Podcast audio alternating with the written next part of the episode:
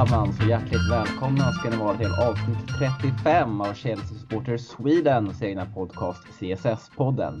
Och äntligen, och jag menar verkligen äntligen, är vi tillbaka för att snacka lite Chelsea igen. Mitt under det här mycket tråkiga landslagsuppehållet. Och jag har faktiskt gått och längtat eh, hela dagen efter det här. Då är det liksom så här, hade jag skavt lite i mig, eller pirrat i kroppen att eh, ja, det känns som att nu är vi på banan igen och eh, med mig här ikväll så har jag ingen mindre än Kevin Stålberg. Och eh, vad har du gjort för att finna någon form av glädje så här under en, en tråkig period som vi är inne i?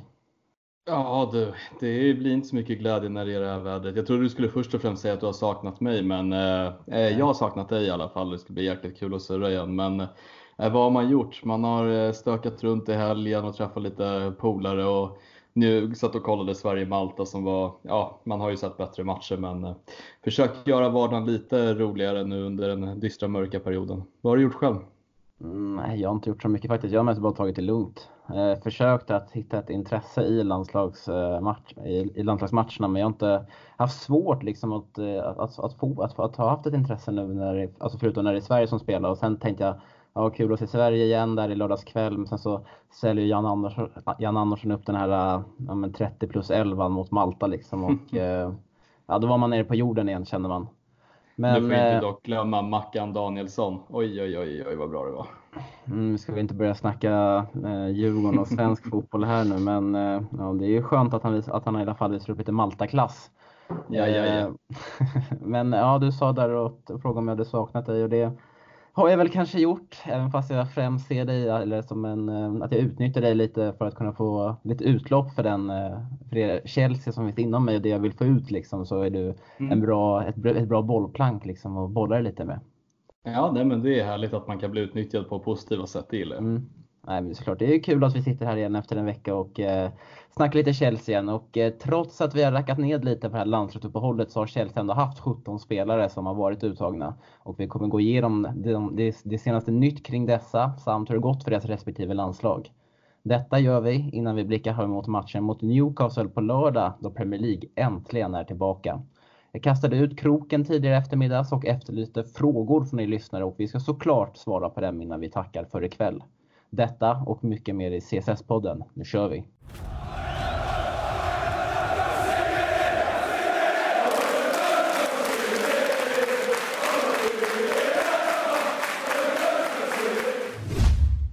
Landslagsuppehåll alltså och vi är mitt inne i det. Och till exempel så spelar ju England nu mot, eh, eller de ska spela lite senare ikväll här mot eh, Bulgarien. Eh, och Kevin, har du, du sa där i inledningen att du har kollat, att du såg i alla fall Sveriges match i lördags. Är det någon, någon annan match som du har tagit del av? Ja, nej, men jag såg ju, jag såg faktiskt Englands match, men det var ju mer hålla, hålla koll lite mer på telefonen och ha England-matchen i bakgrunden. Men Eh, jag hörde lite kommentatorer under matchen, jag såg lite, ja, lite snuttar när jag stod och gjorde annat i bakgrunden. Och ja, det var ju inte den bästa matchen England har gjort kanske. Eh, och Tjeckien, ja de vann ju välförtjänt också tycker jag. Så att, eh, det är lite, lite synd när Mount fick chansen och Abraham fick hoppa in att det slutade som det gjorde. Men eh, jag tror att det, det, det kommer de nog eh, kunna leva med ändå, ta sig vidare. Jo, det ska väl inte vara något problem för engelsmännen där. Och ja, jag satt ju också och kikade den matchen och man var ju, man var ju spänd med tanke på att, eh, att vi ändå har fyra stycken spelare nu i, alltså från Chelsea som spelar i det engelska landslaget varav Mount fick göra sin debut från start. Eh, mycket mm. intressant och det var ju tråkigt bara då att eh, England gjorde ändå den platsmatchen de gjorde och förlorade för första gången i ett kval till, till ett mästerskap på tio år. Eh, men som du säger där, det var en ja, riktig skitmatch och eh, det var den första matchen jag tog del av under det här landslagsuppehållet och som jag sa tidigare också så och det gav ju ingen, det gav ingen skjuts liksom till att ja, kul, alltså kul med de, eh, med de, med de kommande matcherna då förutom Sverige. Men för att England är ju ändå ett lag som man håller ändå lite på när det inte är Sverige. I alla fall jag med tanke på att man ändå är Chelsea-supporter. Men eh, mm, de spelade ju lite ikväll, eller de spelade ju, spelade ju ikväll igen och eh, vi kan ju då nämna där att eh, Mount, eh, Abraham eller Tomori inte spelar från start, men det gör Englands nummer 10 Ross Barkley spelar från start. Eh, om, om, men om vi backar bandet bara då till den här eh, Tjeckien-matchen igen och eh, som du kollade då på med ett halvt öga, vad såg du av Mason Mount egentligen?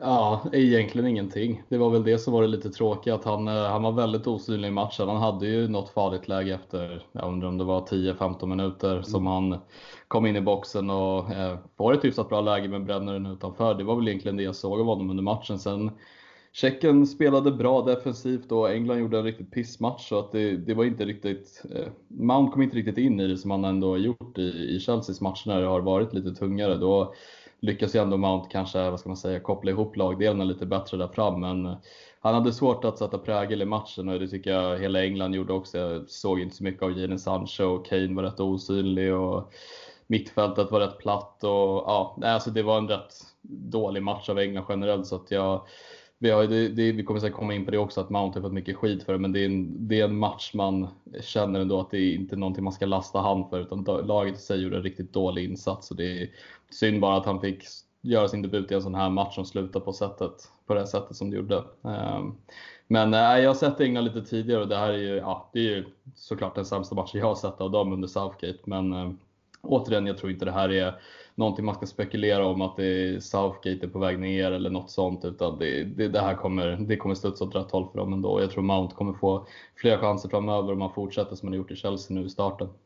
Mm, och förhoppningsvis får vi se ett inhopp, inhopp av honom lite senare ikväll här. Men ja, som du säger där så är Southgate, eh, han blir ju rätt ifrågasatt eh, efter den här matchen och eh, han har varit ändå, trots det, ändå det fina resultatet han har gjort med England, en, ändå en eh, en eh, semifinal i VM och eh, de är ändå på väg nu mot eh, EM med besked. Så har ju fått lite kritik där att han har haft svårt att anpassa startelvan då mot motstånd och försökt mixa lite med formationerna. Men han har även fått en del beröm för att han ändå har att han ändå är en stor del av det här nya England som ändå har kommit fram med många unga talanger och man ska komma ihåg att han var ju ungdomstränare i, ja, i FA då sedan tidigare så han har ju onekligen koll då på på de här, på de här unga spelarna och det är ju egentligen perfekt ändå med tanke på ändå vilket skede Chelsea inne just nu och det har vi redan sett nu med tanke på att Abraham, Tomorrow Mount har fått chansen. Mm, ja, nej, definitivt. Jag tycker man istället för att kritisera Southgate för en förlust mot Tjeckien borta så tycker jag att man snarare ska hylla hans arbete sen han kom, kom in som förbundskapten för England. Han har ju tagit upp hur många ungdomar som helst och gett alla chansen. Som, alla har ju gått före de här, den äldre generationen som man kanske förväntade sig skulle ta en plats i truppen. Och som du säger, han, han började ju som u tränare innan han tog över sen eh, när posten var ledig. Och, um, alltså jag, jag, jag är ett litet minifan av Southgate. Jag, tycker, jag tänker också så här, hur många egentligen trodde att Southgate skulle göra så, här så pass bra resultat med det brittiska landslaget som han har gjort. Det, jag tror inte många kunde tro att han skulle göra så bra ifrån sig, så jag tycker det är snarare för mig är det tvärtom. Alltså jag skulle inte vilja kritisera, kritisera honom för en sån här match. Jag menar alla landslag kommer ju torska till sist mot eh, kanske ett lite sämre motstånd. Det händer. Det är naturligt. Mm. Och just Southgate tycker jag har varit eh, jäkligt eh, duktig sedan han eh, tog över det engelska landslaget. Gett många ungdomar chanser. Och det är ju såklart fint för vår, för vår utveckling också i Chelsea med våra unga spelare som är up and going. Så att, um, jag, jag, jag diggar det engelska landslaget. Jag diggar verkligen Southgate. Jag tycker han har gjort ett fantastiskt arbete. Mm, och han blev väl lite till en början där så sågs han som en caretaker där för Big Sam. Så efter de här, det är ändå intressant när det läcktes i media och så vidare. Jag kommer inte ihåg exakt vad det var men ja, whatever. Men i alla fall i den matchen så fick även Tem Abraham på känna på lite engelskt A-landslagsspel och det är för första gången och gör, som gör nu att han är då bound till engelska landslaget. Det har ändå varit, varit lite snack tidigare om att han eventuellt har kunnat eh, spela och representerat Nigeria kanske bara då för att sätta press på England, det vet vi inte. Men han hoppade i alla fall in i den 88 matchminuten när det då stod 2-1 till Tjeckien men ja, han gjorde väl ingen sisådär prägel på matchen. Men vad som varit uppmärksammat i media inför den var ändå att eh, Eh, jag tror också att du säkert tog del av det Kevin, att det här med angående rasismen där, att de, att de engelska spelarna hade kommit överens om att eh, skulle det vara några under det här kvalet nu de här i slutet, eh, skulle det vara några rasistiska påtryckningar på, från läktarhåll så skulle, det, skulle landslaget gemensamt då prata med den utsatta spelaren och om han kände sig obekväm i situationen så skulle de gemensamt eh, lämna planen. Och eh, det känner jag att det är, det är verkligen ett väldigt stort och bra steg för att eh, få bort den här eh, eh, rasismen som existerar på läktaren och, eh, och, ja, och bara få bort den helt och hållet.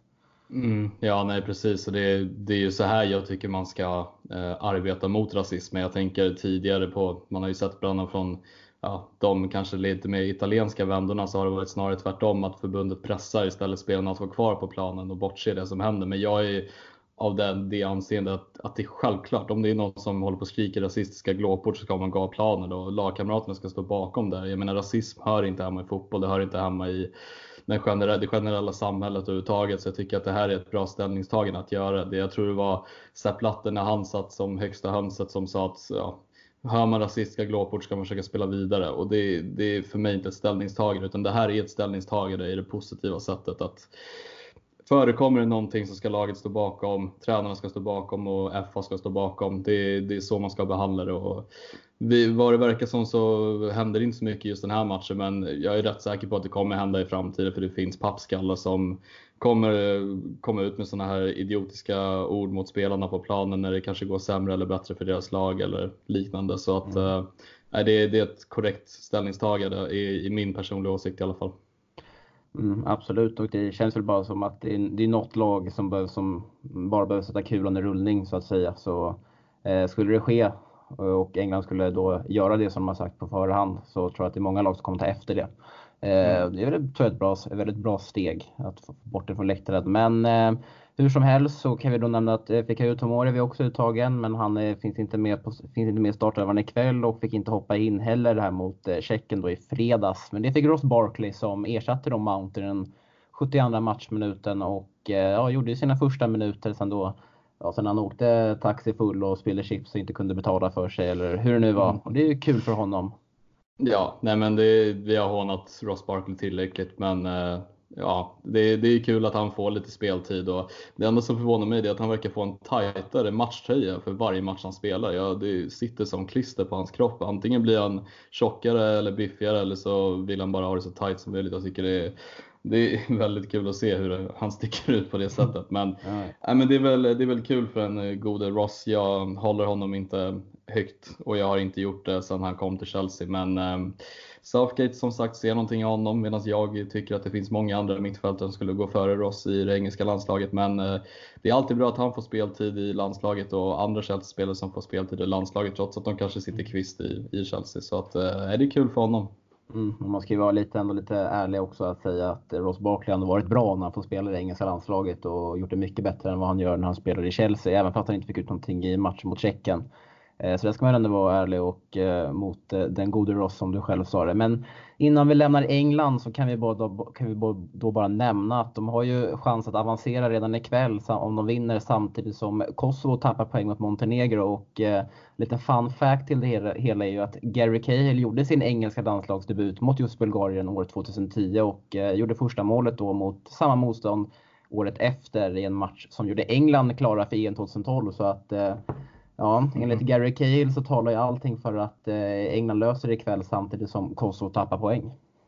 Ja, nej men absolut. Vi får ju tro på Cahills, eh, vad säger man, på hans spåkula att det, det, stämmer. Jag tror ju personligen att de kommer ta det ikväll och gå vidare. Jag tror inte att det ska vara någon oro från, från, eh, för det engelska landslaget. Nej, och eh, med det sagt så ska vi då gå vidare till Danmark där vi tar Christensen. Men innan vi gör det så alltså det, det, jag såg en video på Twitter som började florera här lite. Den var egentligen från den förra landslagssamlingen men den blev lite aktuell nu igen när det var dags igen. Och den här äh, födelsedagssången för Delaney och jag har sett det här klippet äh, extremt många gånger nu de här senaste dagarna för att jag känner mig så sjukt obekväm och jag, jag fattar ingenting. Och äh, jag tänkte vi kan lyssna lite på det bara som en kul grej. Så skal han hjem og holde fest, og dem, som kommer med som gæst, får dejlig chokolade og kager til. Men mm, också där låter det då alltså när eh, Thomas Delaney fyller år i Danmark och det man kan väl relatera med det till Chelsea är väl att man ser Kristensen i den här videon han står och, hur han står och sjunger eh, till då Delaney på, sin, på hans födelsedag och eh, du har också tagit del av det här klippet Kevin och det är ju eh, man blir så sjukt obekväm när man ser det. Ja. Ja, herregud, jag vet inte vad jag ska säga. Men eh, så, ja, jag blir inte förvånad att det är dans, danskarna som håller på med det här. Men eh, ja, nej, det, man ser ju Kristensens ansiktsmin också. Eller själva mm. Delaneys min är också jävligt kul att se. Han sitter där och vill verkligen vara där. Det känns som att alla spelarna helst vill prata någonting annat och mer en påtryckning från tränarna att sjunga för Delaney. Så att, nej, det är, gud, det vi går vidare. Jag pallar inte prata om det. Det är så jävla pinsamt. Nej, det, alltså. det, är rätt kul, men det är kanske är roligare om man får se klippet också. Så jag tänker att jag eh, länka den via våran Twitter där vi heter Chelsea Swee. Men i alla fall så beser besegrade i alla fall Danmark Schweiz här i, eh, med 1-0 och det var deras enda, enda match under landslagssamling. Men det blev lite, ändå lite dystert för Chelsea då. Andreas Christensen startade men var tvungen att utgå i slutet av matchen på grund av skada. Mm, och det Ja, vad säger man? Vi har ju inte skadorna på vår sida just nu utan eh, när spelare kommer tillbaka från skadeuppehåll så blir de skadade igen. Det är lite så det har varit för oss den första halvan. Och nu har ju kanske Kristensen varit lite mer in och ut i startelvan men det är också en viktig kugge att ha i truppen. Vi måste ju ha uppbackning bland mittbackarna och det är bland mittbackarna tycker vi har vår svagaste lagdel just sett till bredd också. Vi har ju Tomori, Rydiger och så blir det Kristensen och eh, vad har vi mer där? Eh, Zuma också och så har vi då Guay. Sen har vi inga mer mittbackar egentligen som som kan hjälpa till där bak och vi har ju lånat ut Ampadu som kunde spela mittback så att det, är, det, är lite, det är lite tunt där och det är, är det tråkigt. Jag vet inte vad det kan bero på. Det är mycket skador just nu.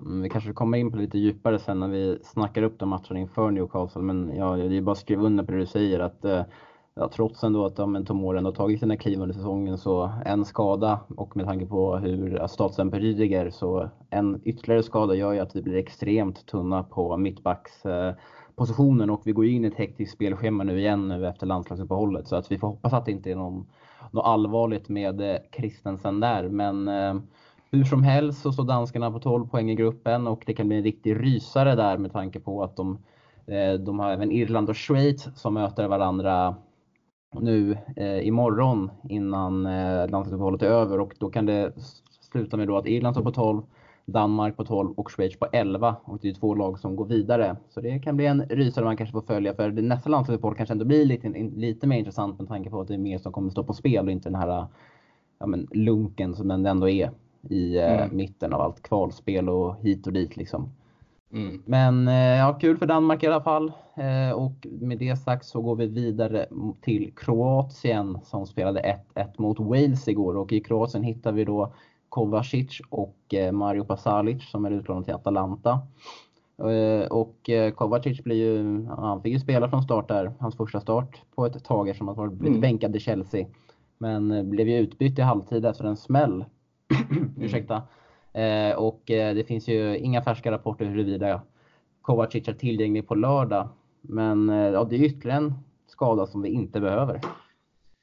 Ja, nej, nu är vi där igen med, med skadorna och eh, det är också om defensiven och mittbacken är en lagdel där vi är rätt tunna så börjar in i mittfältet se onekligen tunt ut också. Där har vi ju Kovacic skadad och eh, vi har ju Jorginho, vi har Barkley och sen har vi en Kanté som dras med lite skador till och från så det är också oerhört tunt där. Men vem vet, det kan öppna upp dörrarna för andra. Billy Gilmore kanske kan få en chans. Mm. Och liknande. Så att, äh, det, det är synd. Jag tycker kroaten äh, Kovacic har ju också kommit in i det väldigt bra i säsongen. Jag tycker att han har varit felaktigt bänkad de senaste matcherna. Jag tycker att han har varit en av våra bästa spelare sedan säsongstart egentligen. Så att, äh, Ja, det är synd att han också börjar dra på sig skador nu. Jag tycker han såg i, i den matchen, jag såg lite highlights från den matchen, jag tyckte han såg väldigt fin ut bredvid Modric. Uh, han är ju numera har han kommit till sin rätta lite mer defensivt med att vinna boll och de, transportera boll istället snarare än att kanske vara den där offensiva tian som eh,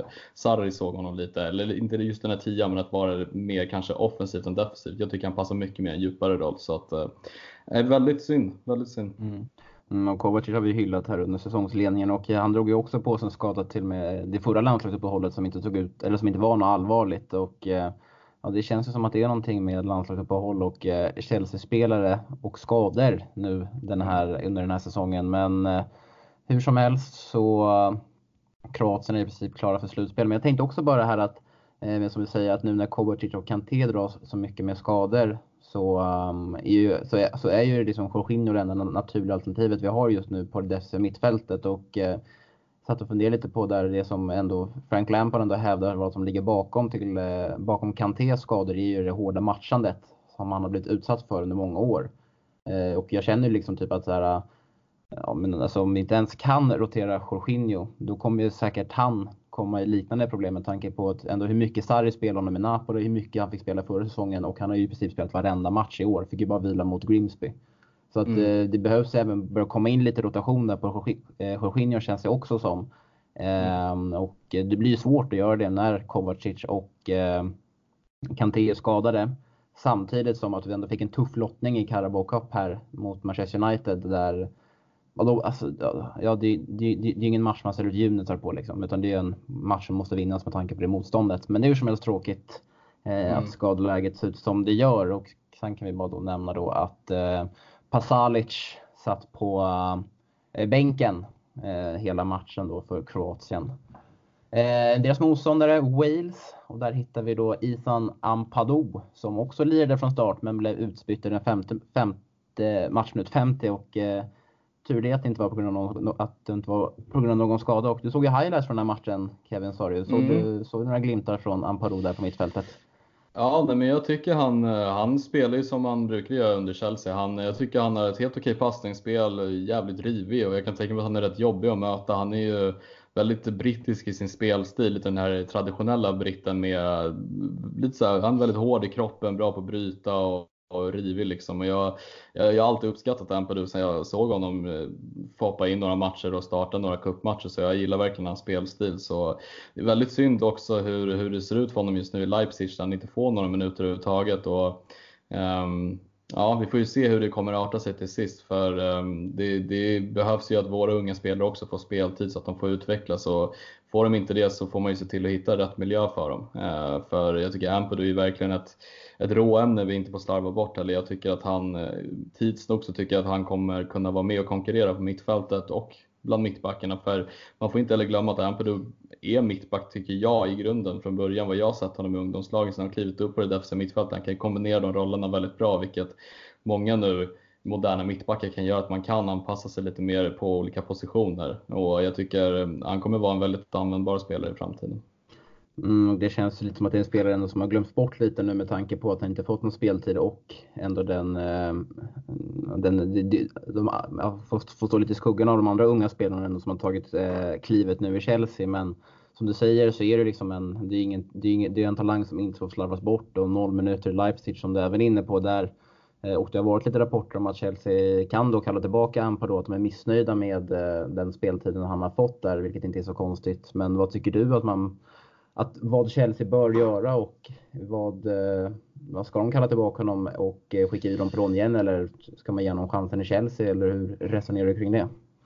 Ja, men jag satt och filade lite på det. Först och främst så satt jag ju innan säsongens början, eller när man fick veta att Ampere skulle lånas ut och då satt jag och skrev lite i, i poddgruppen att många sa att det var väldigt bra utlåning för Ampere men jag var nog en av de första som satt och skrev att det här kommer bli väldigt tufft för just Leipzig har extremt mycket unga talanger på mittfältet som sticker ut väldigt mycket.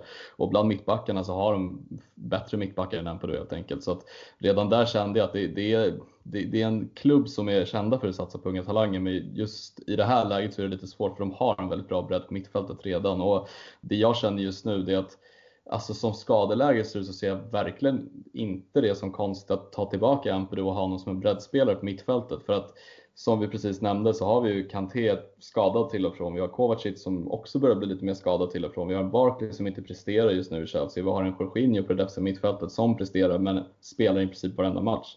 Där tycker jag att en bredd kan tillkomma med Ampadu och jag ser inte heller att han inte skulle vara redo för att kunna hoppa in i slutminuter eller kanske spela någon kuppmatch eller vara med i ett roteringssystem. Jag tror att det skulle passa honom väldigt bra och han kan också täcka upp på mittbackarna.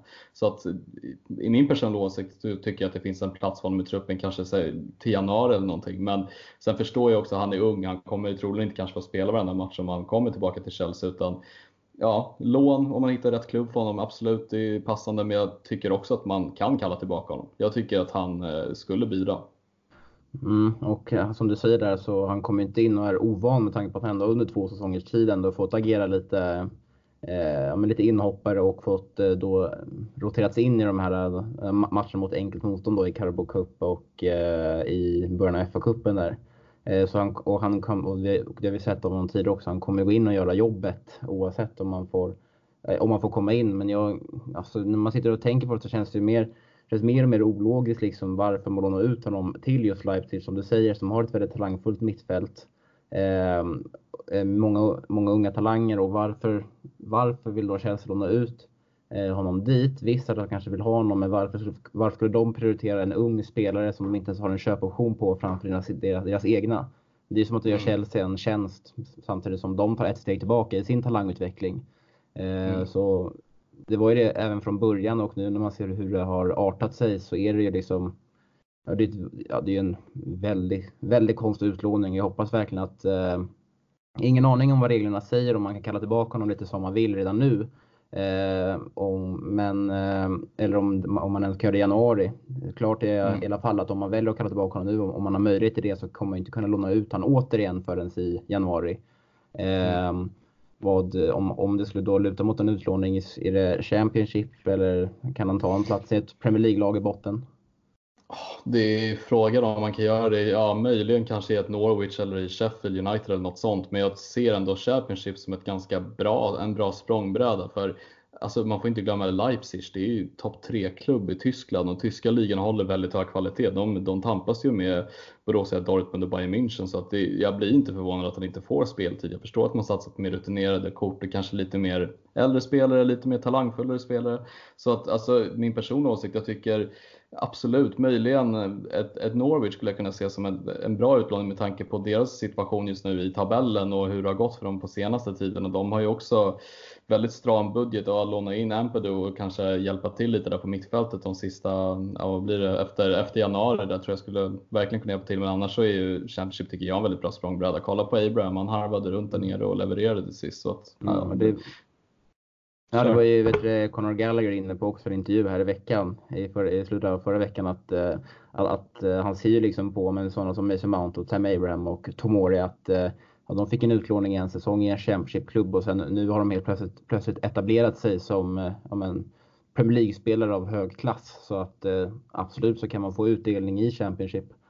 Eh, och det hade varit ett bra steg för Ampadu. Men jag känner ändå också, jag, jag gillar ändå det här Norwich-spåret som du är inne på. För det är ändå också ett ändå ett bollskickligt lag. Eh, mm. Norwich ändå när de, väl, när de väl har innehav och gillar att pressa högt. Och det är lite det som Lampard också förespråkar och Ampero har ju ändå blivit skolad ändå lite nu i, i samma spelstil och i bolltrygghet och, man, och eh, i passningsspel om man tänker då på hur, eh, hur alltså när Sarris styrde Chelsea för förra året. Så jag mm. tror att i ett Norwich hade, hade Ampado utvecklats eh, eller han har goda chanser till att utvecklas och eh, kunna ta det här steget till Chelsea inom, inom en snar framtid. Ja, och där får man inte glömma heller att se Leipzig, där har de till exempel Kevin Campbell som är liksom en väldigt, väldigt bra in i mittfältet. Medan i Norwich kanske man har en Alexander Tettey som börjar bli upp mm. till åren och spelat där väldigt länge. Det är en mycket lättare konkurrenssituation och återigen, han kan täcka upp defensivt också väldigt bra i en backlinje. Och även där, då har de ju typ Amadou som inlånad från Sevilla som inte heller har presterat och man har ju lite äldre mittbackar och mittfältare så jag tror att det är ett väldigt bra steg att ta och det är, inom de brittiska gränserna och han kan språket och kan anpassa sig rätt snabbt. Så jag tror absolut en eh, ja, bottenlag i, i Premier League eller något topplag i Championship tror jag hade varit väldigt bra för honom och nyttigt. Och som du säger, Norwich är väldigt spelskickliga. De är ganska roliga att kolla på och det är väldigt offensiv fotboll för att vara nykomlingar. Så att det hade varit, det hade varit kul. Får se ifall det blir en eh, första gången jag har rätt i podden om mm. han blir utlånad dit. Vi får se. Mm, och, äh, men jag är ändå helt övertygad om att fortsätter så här som vi gör just nu i Leipzig eh, Eh, så kommer han ju men till 99,9% bli återkallad i januari och sen får vi se vad som händer med honom efter det. Eh, men eh, ja, i alla fall. Eh, Wales har ju också chans då på EM, EM-kval och Amparo har ju nästan spelat varenda match för dem. Och eh, de, det är klart och tydligt, de måste vinna sina två sista matcher under nästa uppehåll samtidigt som Kroatien slår Slovakien, vilket inte är helt omöjligt, så kommer även Wales att spela EM nästa sommar. Och med det så går vi vidare till Spanien där man ofta, eller där man de senaste åren har hittat väldigt många Chelsea-spelare men eh, just nu så är det bara Kepa ur Chelsea som tar en landslagsplats i Spanien och han fick ju stå när eh, Spanien löste 1-1 borta mot Norge efter att ja, Kepa himself ändå har eh, orsakade straff, vilket renderade ett gult kort och sen eh, lyckades han då inte rädda den straff han orsakade på, på övertid där och eh, behöver inte säga så mycket mer om det förutom att ja, Kepa möter ju Sverige imorgon och vi får se ifall han står eh, eller inte. Men vi hoppas ju hur som helst att om han står så, så har han ändå för första gången eh, mitt godkännande att göra en platt match. Ja, nej men verkligen, jag håller med där. Och jag tycker ändå det är lite fint att Norge spelar 1 för då innebär det att de kanske har lite energi att uh, fortfarande tampas med Rumänien som ligger hack i häl på oss. Så att uh, all kudos till Kepa som lyckas göra att Norge håller, håller sig kvar i matchen. Så det, det, är bra från honom. Det är det bästa han gjort den här säsongen tror jag. Oj, ja, men så kan man ju också se det. ja, fina Kepa. Men ja, i alla fall USA Eh, Eh, de eh, spelar någon form av Nations League borta i, eh, Amerika där och de slaktade Kuba med 7-0 och Pulisic fick spela hela matchen för USA och gjorde mål i 7-0 krossen på straff, det sista målet. Ehm, känns också, det känns lite som, om man kan dra lite parallell mot Barkley där, att det är kul att de får luftas lite i landslagen när de inte får göra, när de inte får göra det i Chelsea. Liksom. Mm, ja, nej, verkligen. Och skillnaden där är att till skillnad från Barkley så är ju Pulisic en bärande spelare i USA. Han ses som framtiden och är kapten där bland annat. Så att, eh, eh det visar ju också att han, eh, det, det, jag tror att det handlar lite om omställningen för honom. Han känner sig bekväm att spela med sitt USA och det är ju lite skillnad att komma till Premier League från Bundesliga vad det verkar som för hans del i alla fall. Så att, hoppas att han tar med sig formen in till, till Chas för att eh, just nu ser jag också att han, han behövs väldigt mycket med tanke på skador och, och bredd och så. Och jag tyckte han såg pigg ut i sitt senaste inhopp också så att eh, vi får hoppas att det är på uppgång nu. Så fick väl även Matt Miaska speltid om jag inte är helt ute och cyklar. Jo, har du någon förhoppning att han kommer ta en tröja i Chelsea någon dag? Ja, nej, men jag tror att han kan bli som Terry, legendarstatus. Nej, jag skojar bara. Det, jag har aldrig förstått den värvningen överhuvudtaget. Det kanske var någon, ja, de, han var väl beryktad i USA när han kom fram, men det var, det var en väldigt konstig värvning. Jag tror jag såg honom spela första gången mot Aston Villa tror jag det var och fick hoppa in för att det var någon skada i mitt, bland mittbackarna. Var han och Pato som fick hoppa in samtidigt va? Ja, nej, men precis. Ja. ja. precis. Det var väl Pato, en och Patos, vad var det, fyra, fem matcher han spelade vid Chelsea mm. eller någonting. Och, eh, ja, man såg väl en, en talang där och jag tyckte faktiskt inte han var så dålig den matchen. Han var helt okej, okay, men eh, han verkar ju inte hålla kvaliteten om han inte ja, blir utlånad till Reading i Championship som är, är ett bottenlag. Så att, eh, nej, det, det, det är bara att skeppa iväg när kontraktet rinner, rinner sanden eller sälja innan dess. Mm, ja, men jag känner typ att det finns två värvningar som jag har svårt att förstå mig på. Det är, det är Matt Miaska och eh, Papi, bort, vet han, Papi Djibouji. Ja, Djibouji. Fast du, du har ju också en där. Du har ju också Hector, kommer du ihåg honom? Ja, Hector också. Ja, men det är så här, men framförallt de två jag nämnde där, tänker för då, det kändes ändå som att i de, eh, i de värvningarna så var ändå Chelsea ute efter en mittback som ändå skulle kunna komma in och göra skillnad.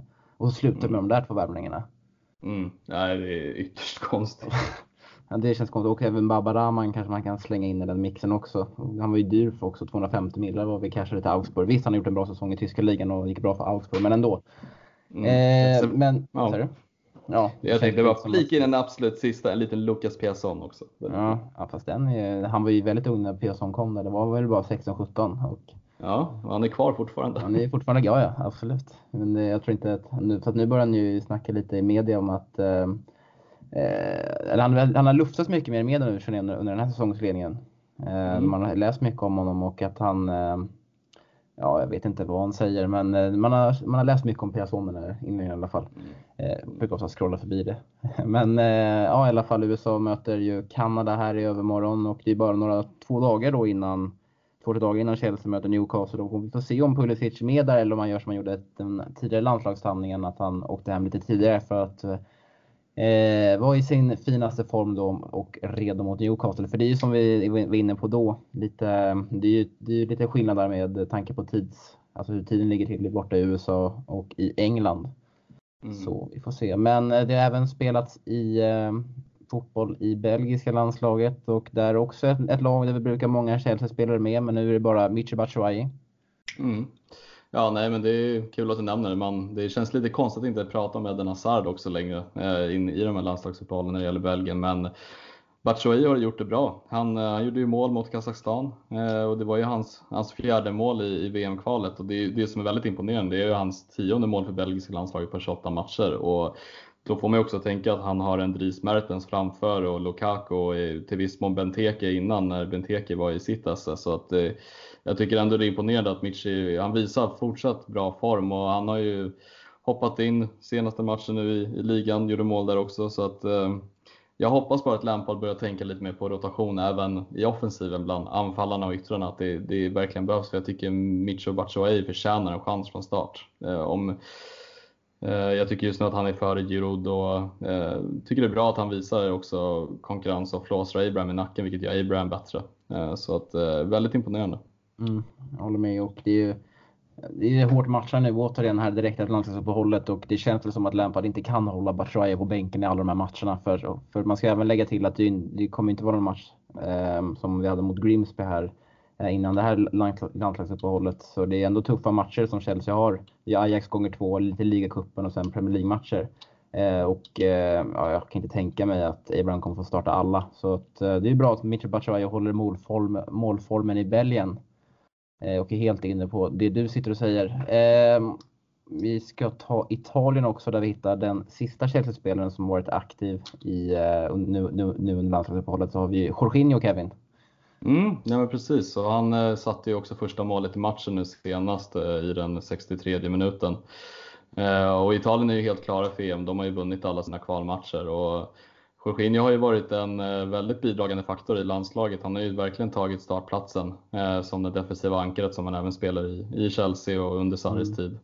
Eh, och eh, han var ju även en del av, av det lag som åkte ut mot Sverige i VM-kvalet där Gigi Buffon gjorde sin sista landskamp. Och, så det känns ju extra kul för brasse-italienen som får åka iväg på, på ett EM i sitt Italien. Och en liten rolig fakta är att eh, Jorginho, jag läste någonstans att han har satt 15 av sina 16 straffar för land och klubb. Eh, efter denna, ja, om man inte nu drömmer in en till mot Bosnien imorgon också. Mm. Eh, och jag läste också lite där nu att hans agent var ute och svingade lite i media. Eller han svingade inte, han var ute och var berömde Jorginho ändå. Typ att, eh, ja men vad bra att, att han är glad över att, han, att Jorginho har tagit den ordinarie landslagsplatsen. För det är ju ändå som du också var inne på, det är hård konkurrens på det där italienska mittfältet och Jorginho är mer och mer etablerad. Eh, och har ju mm. blivit liksom en spelare som nästan gått från 0 till 100 sen i våras om man tänker på från uh, ur ett Chelsea-supporters perspektivshåll. Mm, uh, så det är kul att han tar för sig.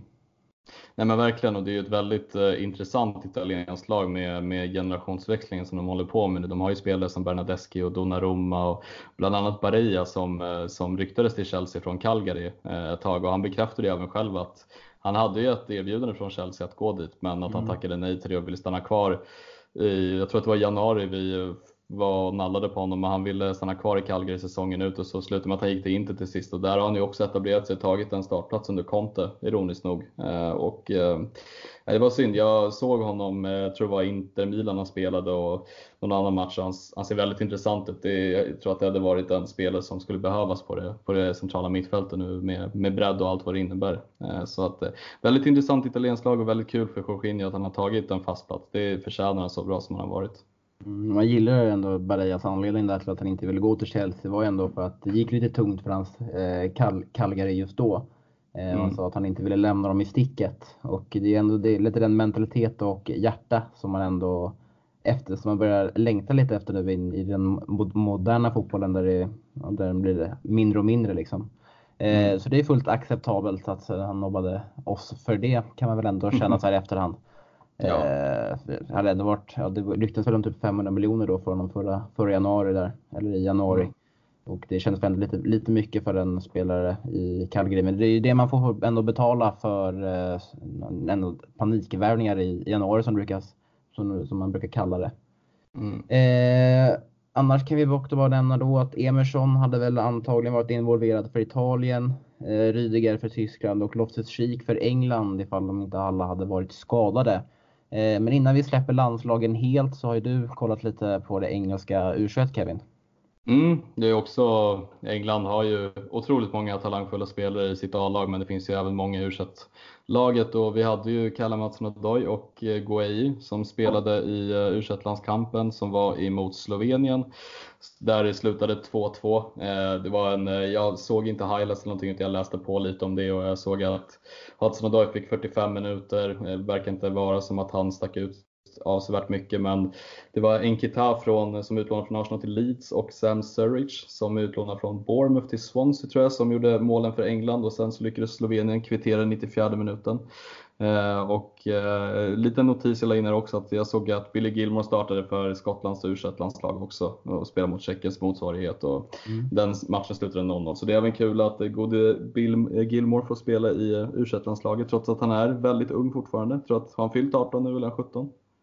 Eh, han borde väl ha fyllt 18, inte han född Han född 2001 va? Ja, Eller 2002? okej, men då... Ja, då, nej, han borde vara 18 tror jag nu. Ja, ja. Mm.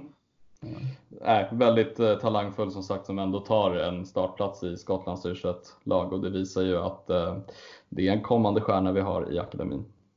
Mm, absolut och sen eh, så eh, kan vi då nämna bara där och att eh, som vi sa förra veckan, eller när vi spelade in förra veckan, vilka då som var uttagna. Eh, så nämnde vi inte då att, eh, eller det blev lite förändring där, att Reece James utgick skadad och Conor Gallagher fick ju hoppa in och ersätta. Det var ju fler återbud, men jag kommer inte ihåg om det var just Reece James som Gallagher fick ersätta. Men han fick i alla fall komma in till det engelska u landslaget och testa på lite, men fick ingen speltid i matchen. Eh, någonting till du vill tillägga här innan vi börjar blicka framåt mot Newcastle på lördag? Ja, nej men lite ovanligt transfersurr kanske nu eh, innan transferfönstret öppnar om några månader. Det är att egentligen ingen större notis för Chelsea-fansen, men det är väl att Juan Castillo som är utlånad till Ajax eh, har ju gått ut och snackat lite i media om att de har ju köp, köpoption på Castillo och allting som, som du ska, så ser han det som en bra möjlighet att gå till Ajax. Eh, och han är fortfarande öppen för att komma tillbaka till Chelsea. Men eh, som det ser ut nu så går det enligt hans planer och att Ajax kommer köpa loss honom. Så att, eh, tråkigt att förlora en eh, bra vänsterspringare, men vi har ju andra. Vi har ju Matsen fortfarande kvar i akademin och vi har Emerson och Alonso som breddar på där bakom. Så att, eh, det, det ser helt okej ut på vänsterkanten ändå, måste jag ändå säga. Mm, och det blir med tanke på transfer ut så kan man då eh, nämna någon transfer in och det är att det, jag tycker att jag läser mer och mer nu att ja, Chelsea verkligen är ute efter Ben Chilwell där i Leicester och eh, man har ju sett lite, eller jag vet inte hur stor vikt man ska lägga vid det, men man ser ändå hur mycket, ändå hur bra överens Ben Chilwell och Chelsea-spelarna ändå kommer överens här under den här landslagssamlingen. Då är det mycket bilder på, på sociala medier som de lägger ut tillsammans med varandra. Så att eh, Samtidigt det, samtidigt som att eh, det blir allt fler rykten då ändå från pålitliga källor att eh, Chelsea ändå är ute efter Ben Chilwell i antingen i januari om vi får värva eller till sommaren. Så mm. då blir det tufft för en sån som Juan Castillo att eh, kunna ta en plats. Men mm. det är inte läge nu att sitta och grotta ner oss till i season utan det kommer vi få göra nog i januari. Eh, ja, även om vi inte får värva så är det ändå alltid kul. eh, för det kommer ändå vara en del spelare som kanske kommer flytta lite på sig. Men och med det så får vi då lämna landslagsuppehållet och eller landslagsmatcherna här och landslagsspelarna och blicka framåt mot lördag då vi tar emot Newcastle på Stamford Bridge. Du vet väl om att du kan bli medlem i CSS? Via vår sida på Svenska fans kan du läsa om hur du blir det och vilka förmåner det ger. Så gör som 800 andra och bli medlem du också.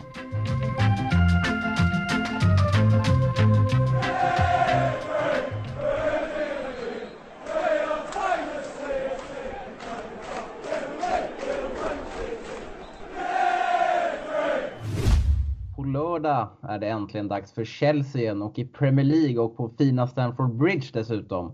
Då är det Newcastle som står för motståndet och det har blivit ett litet konstigt lag för Chelsea de senaste åren. Vi brukar ju köra över dem på hemmaplan men har märkvärdigt tufft för Newcastle på bortaplan. Men det är ju hemma vi möter dem nu och det ska väl bli en enkel seger va Kevin?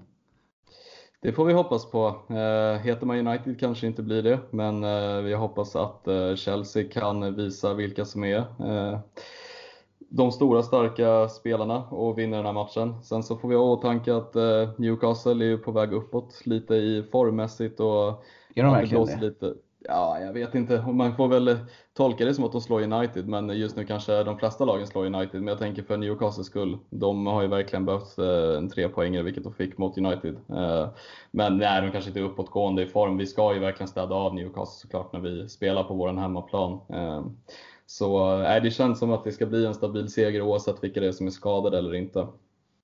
Mm. Nej, men alltså, enligt mig så är Newcastle, alltså det är, det är just nu seriens sämsta lag, trots ändå att de ändå har slagit United och Tottenham. Och det är liksom också bevis på hur jävla dåliga Tottenham och United är just nu. Att eh, Newcastle har lyckats slå dem. Eh, alltså jag, jag har sett lite Newcastle i år, jag har sett tre, fyra matcher och alltså jag blir, alltså det, det är så intetsägande så det finns inte. Det är så tråkigt. Och det är så lamt och det är så, alltså det, alltså det är ett klassiskt brittiskt engelskt lag eh, som bara ligger lågt och bara slår långt. Och nu såg mm. de ju lite intressanta ut mot United då senast när de fick in den här Sant, Saint Maxim från uh, Nice. Ja, Saint Maxim, ja. Från Nice. Då såg de ju lite, de fick lite spets framåt men jag tycker de är så fruktansvärt usla. Och de är målskillnad nu på 5-13, gjort fem mål totalt mm. framåt på åtta matcher. Nej, och, men det är väl också hela rekryteringen av Steve Bruce från början är ju, den är extremt märklig och att man splashade ut nästan, var det 300 eller 400 för eh, Joel Linton där uppe som har inte stängt in mål i Hoffenheim innan han kom utan det var en halvbra targetanfallare som kompletterade anfallen i Hoffenheim ganska bra och så har man ju bröderna Longstaff som spelade senast mot United som visade lite uppåtgående form men ja, resten av laget det är, det är väldigt märkligt hur de, ja, vad det är för typ av lag och hur det styrs men det har ju kanske att göra med VDn från första början kanske. Vill du veta vad som eh, kännetecknar alltså Steve Bruce och rekryteringen av honom? Berätta. Alltså han har, han har spelat med en 5-4-1 typ under hela säsongen. Han skiftade till 4-2-3-1 mot Leicester, åkte på torsk med 5-0 och sa på, också på presskonferensen efter att taktik inte är så viktigt i dagens fotboll utan ställer man ut 11 spelare som, som kan göra jobbet, då har man god, goda chanser att vinna. Låter som alltså, en kompetent man. Ja men herregud, alltså det Alltså ja. nej, det ska ju bara köra, vi ska bara köra dem också. Som du Joel Linton, det, det var ju deras största värvning nu under sommaren och det har inte blivit där. Man vet ju ändå, alltså jag tror inte har undgått någon ändå vilken stor kris ändå som det är i Newcastle och det ständiga upproret från supportrar, eh, alltså gentemot ägaren Mike Ashley där. Och det mm. känns ju som att eh, Alltså han värvar ju bara för att, hålla, för att försöka hålla Newcastle alltså med minsta möjliga marginal klara sig kvar i Premier League så billigt som möjligt för att kunna då ha, få stora intäkter på sina företag som man, som man då marknadsför då via Newcastle och Premier League-spel. Så mm. det är ju liksom, det, det är ett sånt otroligt tråkigt lag. Newcastle, ja. alltså, som det har blivit, för det är ändå alltså, det är ändå, Newcastle är ändå ett bra klassiskt lag som hör hemma i Premier League. Men sedan McArthur tog över så är det mer affärer än, än fotboll som gäller för deras del.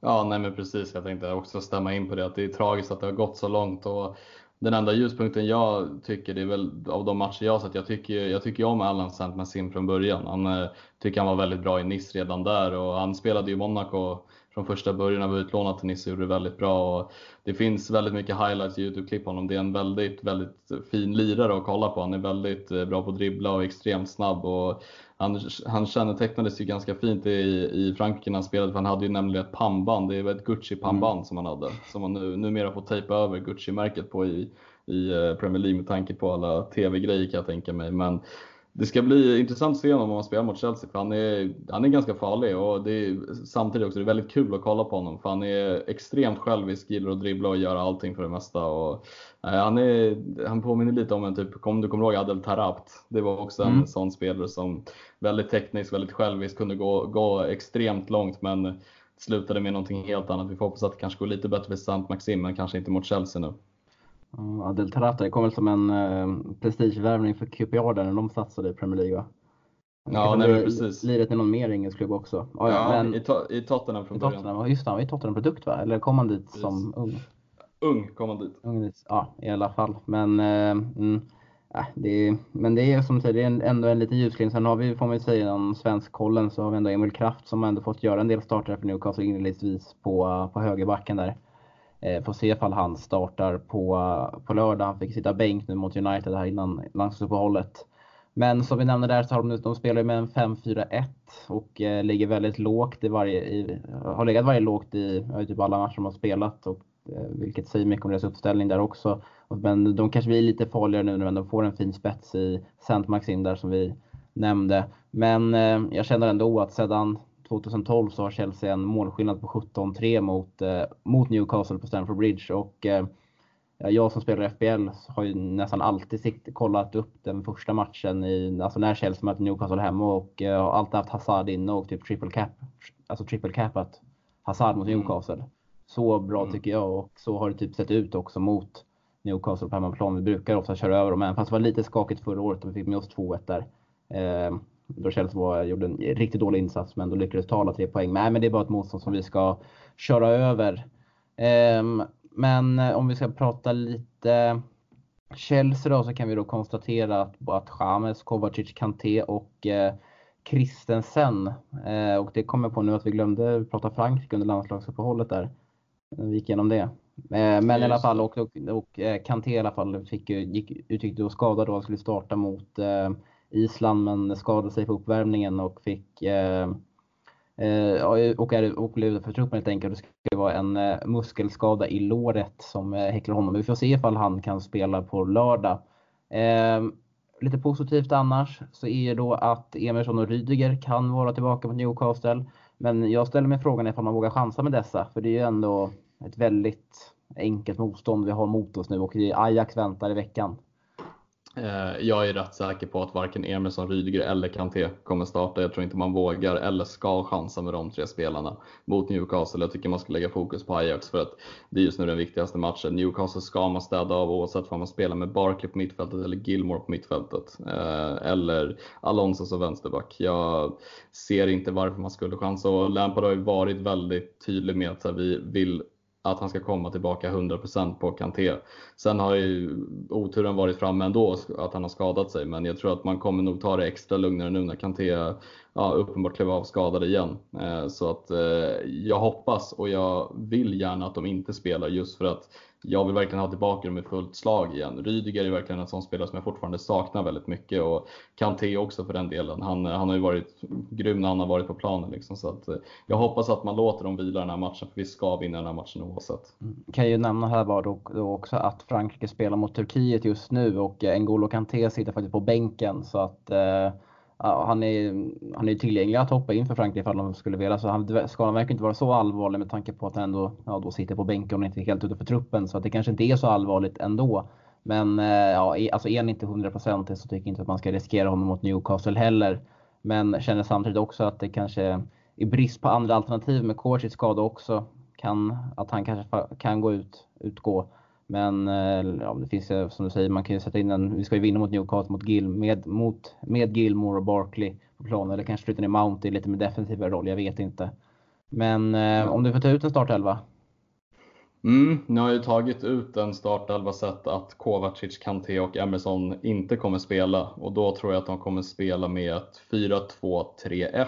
Eh, möjligen att man kanske väljer att centrera Mount lite mer som, eh, som en rak mittfältare istället. Men det är den variant jag tror att vi kommer spela då tror jag att vi kör Aspilicueta till höger och sen så tror jag att det kommer bli Tomori och Rydiger tror jag kommer vara mittbackar om Rydiger är frisk. Eh, och Alonso till vänster så tror jag att det blir Jorginho och eh, tyvärr Barkley tror jag bredvid honom. Sen tror jag att vi kommer ha William Mount, Callum Hudson-Odoi och Abraham längst fram och jag tror då är det kul att se Guay och Gilmore på bänken i en sån här match. Kanske låta någon av dem få några minuter i alla fall på planen.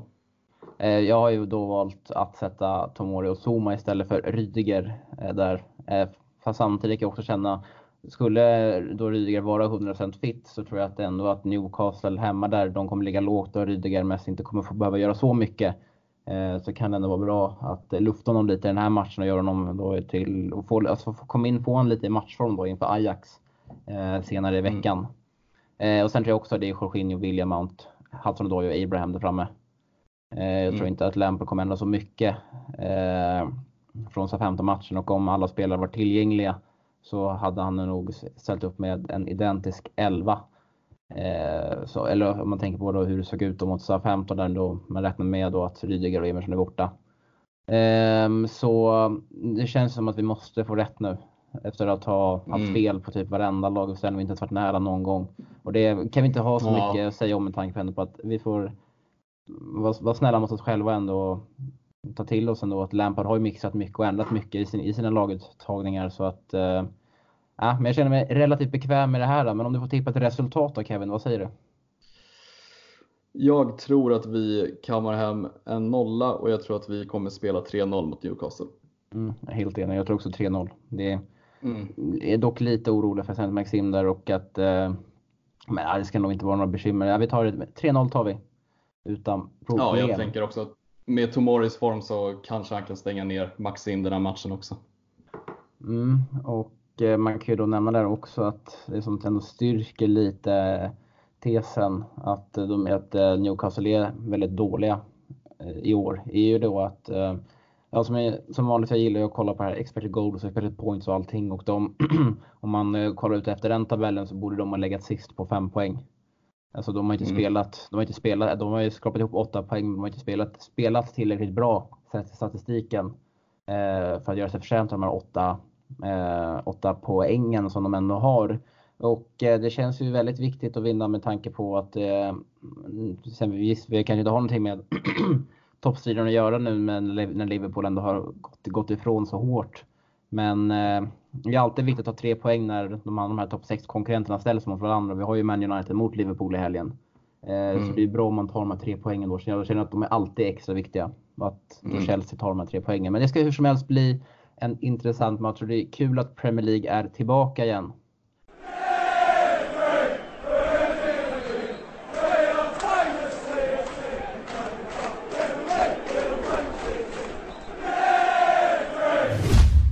Och som vanligt så har det rassat in ordentligt i eh, våran Facebookgrupp där, CSS-podden. Och jag vill verkligen eh, rekommendera att lyssna nu på, på podden men inte är med i gruppen så ska du absolut bli det. Och det är inte svårare än så att du går in på CSS-podden på Facebook och ansöker om att gå med.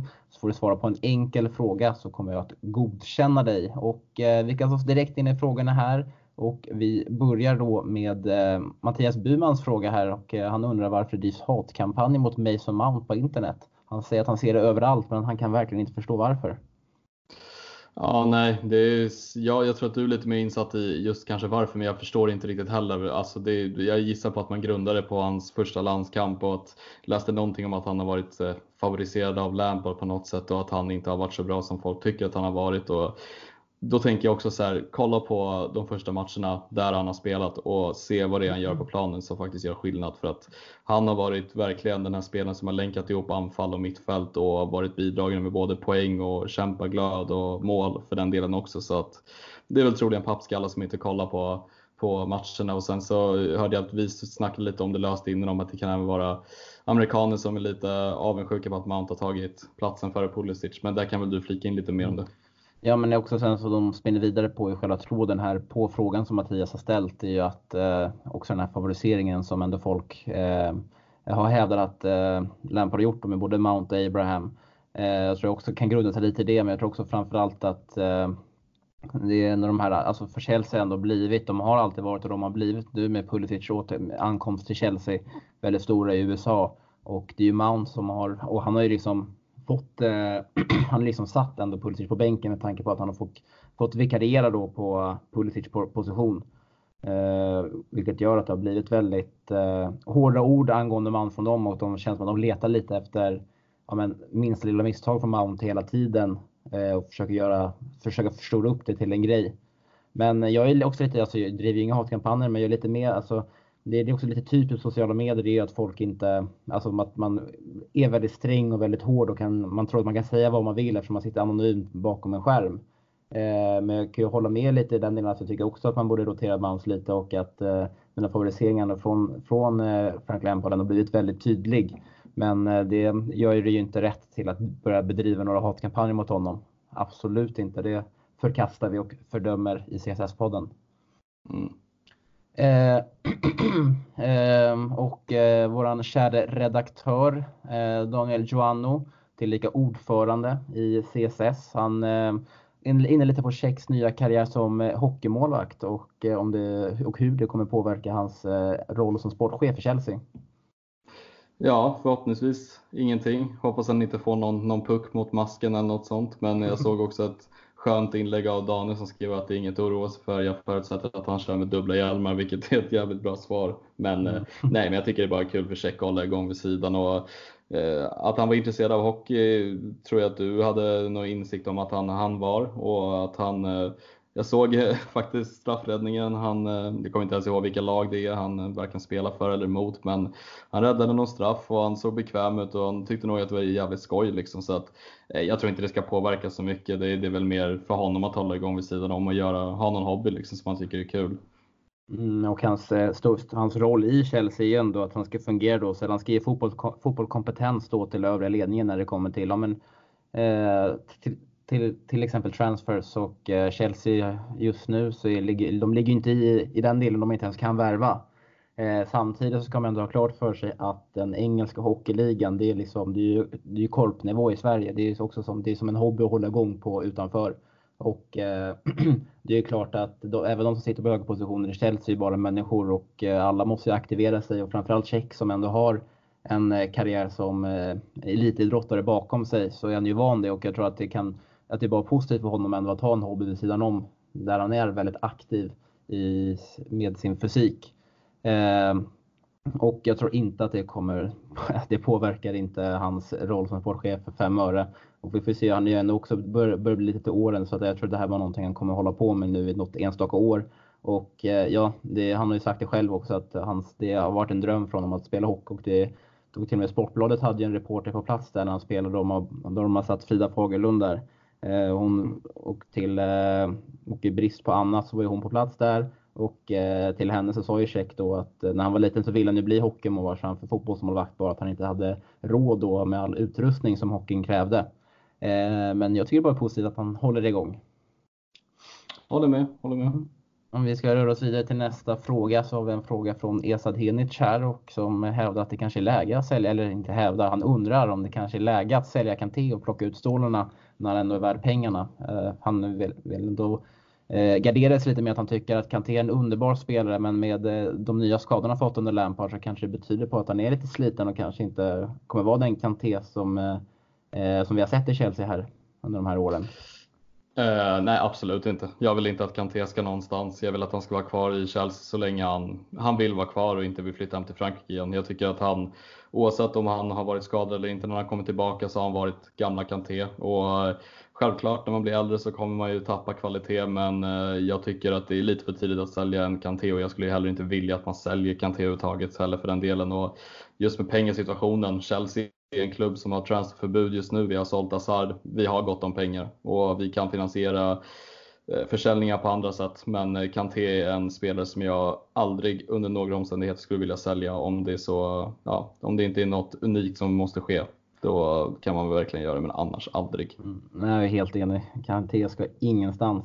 Eh, men sen kanske vi kan bara nämna lite snabbt, eller vad, om vi ska spinna vidare lite på den här frågan angående skadorna som Chelsea har nu. Tror att vad tror du det beror på? Är det bara att vi har en stor otur nu eller börjar bli lite Arsenal med tanke och att det är någonting i, träning, i träningen som gör att eh, många spelare dragit på sig så här många skador som vi faktiskt har just nu?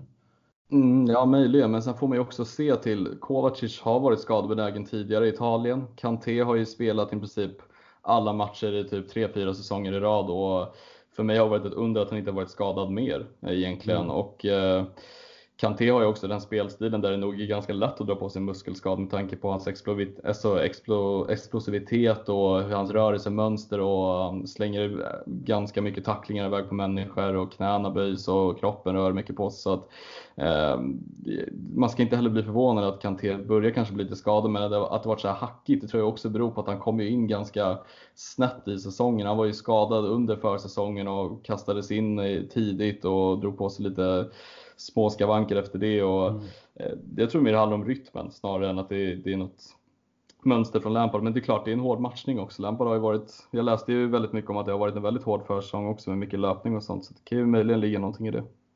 Mm. Eh, creds i alla fall till Esa där som ändå ställer en, en sån här typ av hård fråga ändå får man säga. Som eh, lite, mm. det, det, gillar vi ändå.